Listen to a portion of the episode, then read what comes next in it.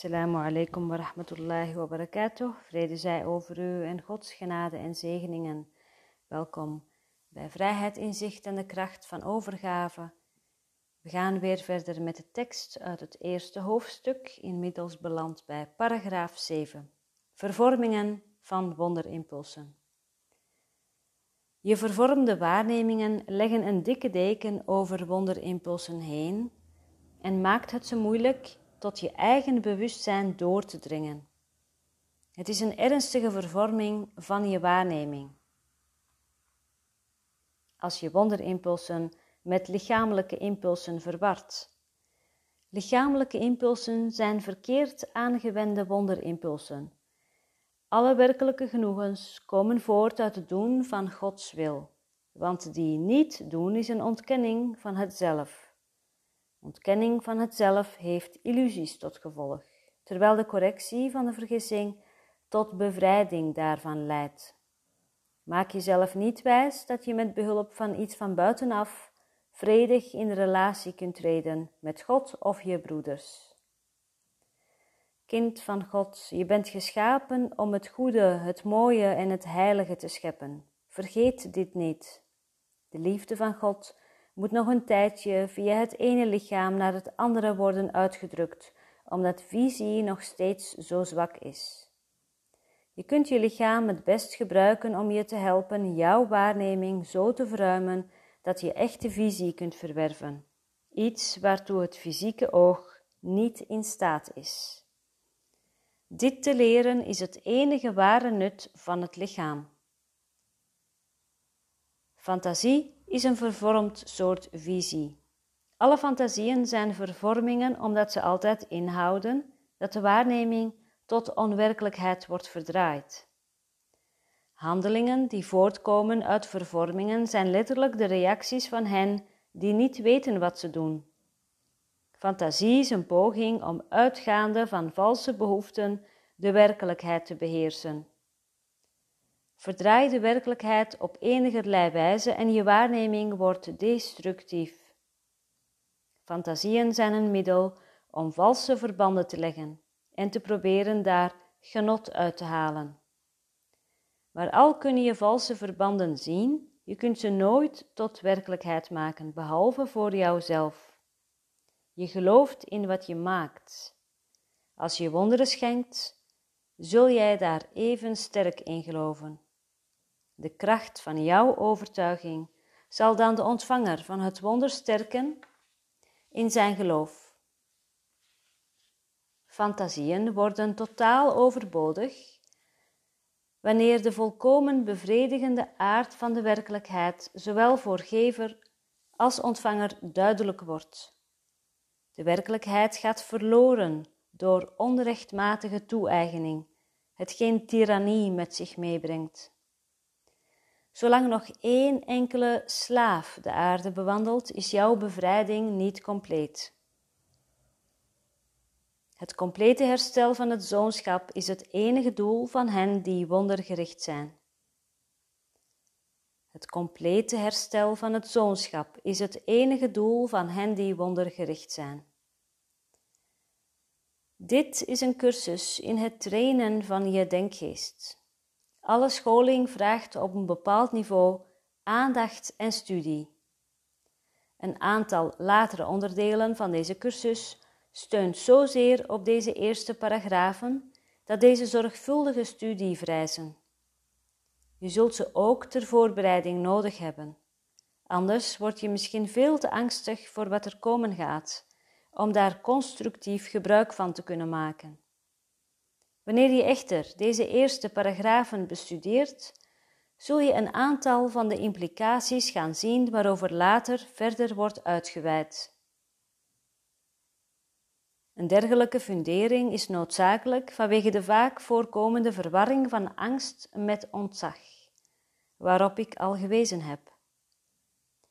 Ik heb gezegd dat ontzag misplaatst is met betrekking tot de zonen van God omdat je geen ontzag dient te voelen in aanwezigheid van jouw gelijken. Er werd echter ook beklemtoond dat ontzag wel gepast is in tegenwoordigheid van jouw schepper. Ik heb zorgvuldig mijn rol in de verzoening verduidelijkt, zonder die over of onder te belichten. En ik probeer met die van jou hetzelfde te doen. Ik heb onderstreept dat vanwege onze intrinsieke gelijkheid ontzag geen gepaste reactie op mij is. Enkele latere stappen in deze cursus houden echter een directere nadering tot God zelf in. Het zou onverstandig zijn om zonder zorgvuldige voorbereiding met die stappen te beginnen, want dan zal ontzag met angst worden verward en zal de ervaring eerder traumatisch dan gelukzalig zijn.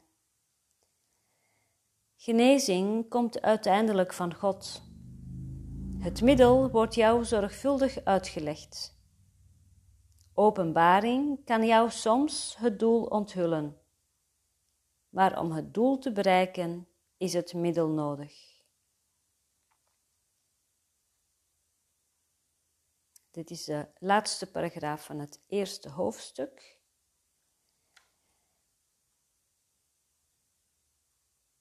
Dit is een cursus in het trainen van je denkgeest.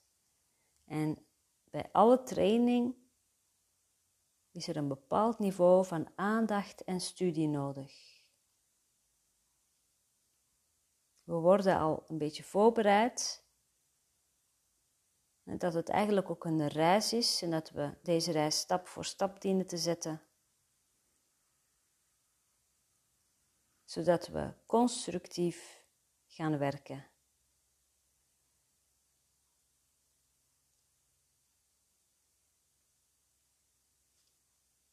Uh, wat ik ook mooi vind, is de regel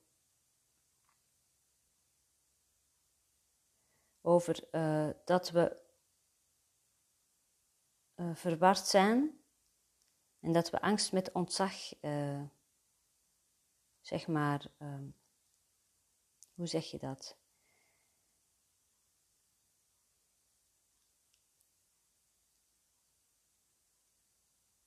Ik zal het letterlijk voorlezen. Een degelijke fundering is noodzakelijk vanwege de vaak voorkomende verwarring, de vaak voorkomende verwarring van angst met ontzag. Ik heb gezegd dat ontzag misplaatst is met betrekking tot de zonen van God, omdat je geen ontzag dient te voelen in aanwezigheid van jouw gelijken. Dat brengt ons allemaal weer tot één. Dus er is geen verschil. Er is totaal geen verschil. We zijn allemaal gelijk.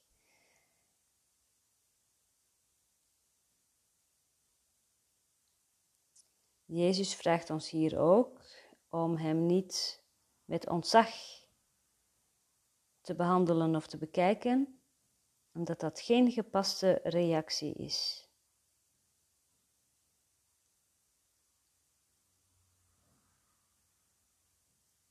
Het maakt dat we dus echt met beide benen op de grond staan. Beide benen op de grond. En dat ware genezing, echte genezing, uiteindelijk van God komt. Ik even terugblader naar de eerste alinea's van dit paragraaf.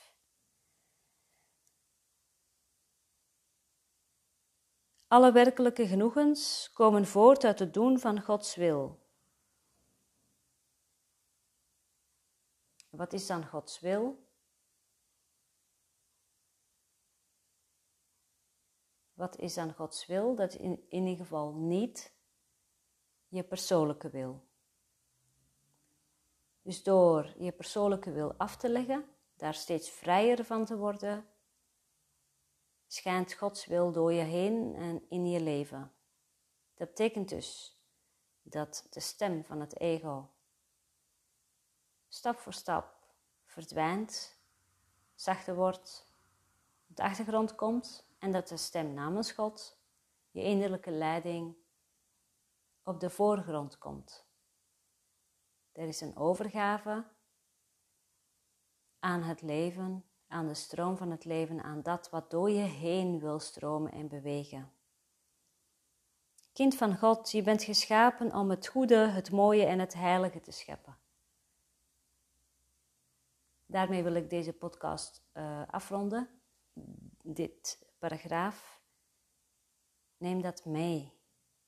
Je bent geschapen om het goede, het mooie en het heilige te scheppen. Het goede, het mooie en het heilige. Je zou jezelf kunnen afvragen, elke dag weer, heb ik vandaag het goede, het mooie en het heilige geschapen, uitgebreid?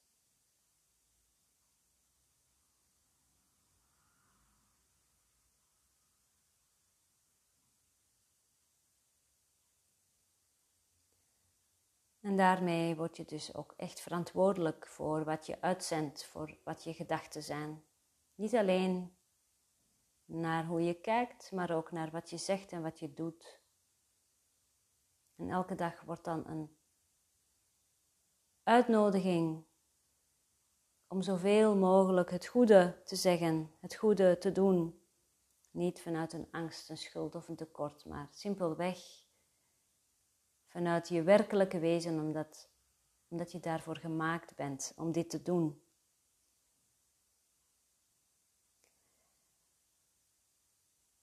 Dit was hoofdstuk 1. Die eindigt met paragraaf 7. Alle andere paragrafen kun je beluisteren voor, die heb ik al ingesproken voor deze podcast. De volgende is hoofdstuk 2, de afscheiding en de verzoening. Dat gaan we behandelen in hoofdstuk 2. Voor nu Vrede zij over u en Gods genade en zegeningen. Assalamu alaikum wa rahmatullahi wa barakatuh.